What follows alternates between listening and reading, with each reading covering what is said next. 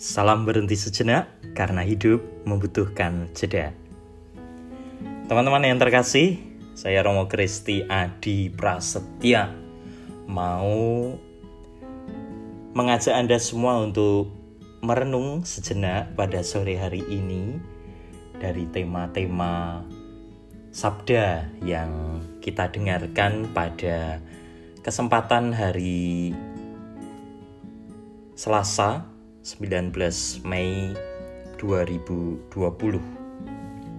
Saya tidak akan membacakan sabdanya. Silahkan jika Anda mau membaca sendiri dari Kisah Para Rasul bab 16 ayat 22 sampai dengan 34 dan Injil Yohanes bab 16 ayat 5 sampai dengan 11. Intinya di dalam bacaan pertama itu kan dikatakan bagaimana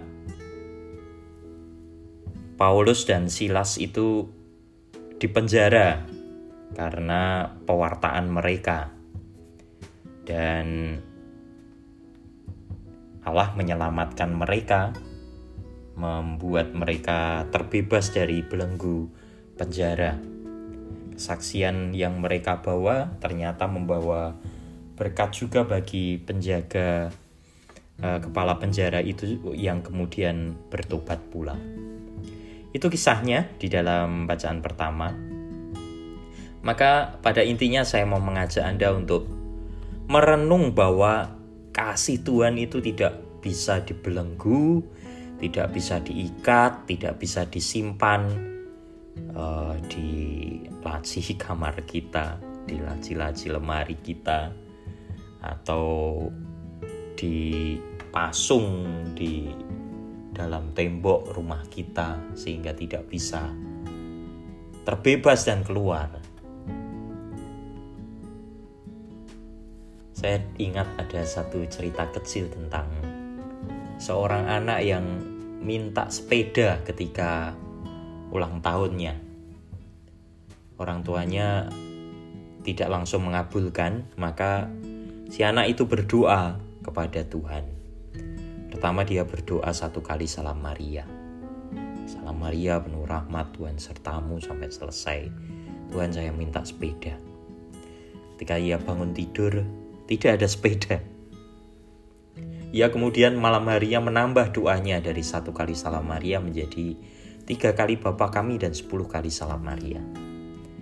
Lalu setelah selesai dia minta lagi Tuhan, saya minta supaya engkau memberi saya sepeda. Pagi hari dia bangun tidak ada sepeda lagi. Akhirnya malam hari lagi dia berdoa lagi dan sekarang dia berdoa lebih panjang yaitu rosario. Dia berdoa lagi, berdoa rosario lagi.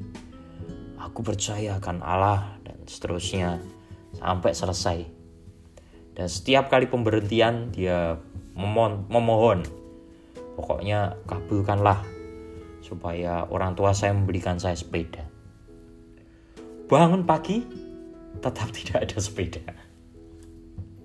Maka kemudian uh, entah bagaimana dia mengambil semua salib yang tergantung di tembok-tembok rumahnya, dia bawa ke kamar, dia masukkan ke laci di lemarinya, laci lemari dimasukkan di sana, dia mengambil semua salib-salib yang ada di meja-meja termasuk di meja orang tuanya.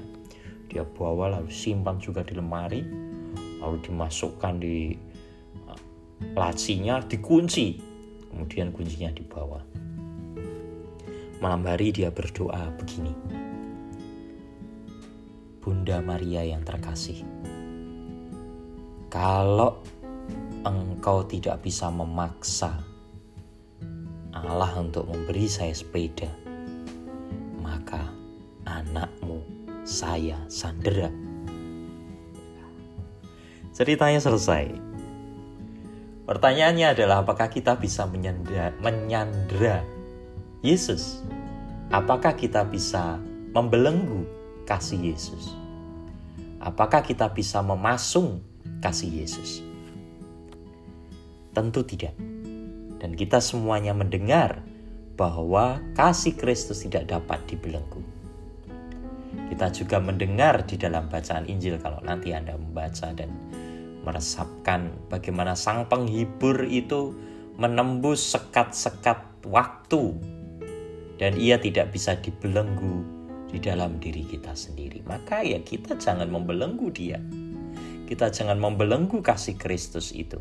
Kasih Kristus harus kita wartakan dalam kata dan dalam perbuatan. Ia tidak bisa dibelenggu, ia tidak bisa dipenjara, ia tidak bisa kamu simpan di dalam tembok tembok rumah kita, laci-laci, lemari kita untuk dijadikan milikmu sendiri. Terima kasih. Itu renungan kita sore hari ini. Salam berhenti sejenak karena hidup membutuhkan jeda.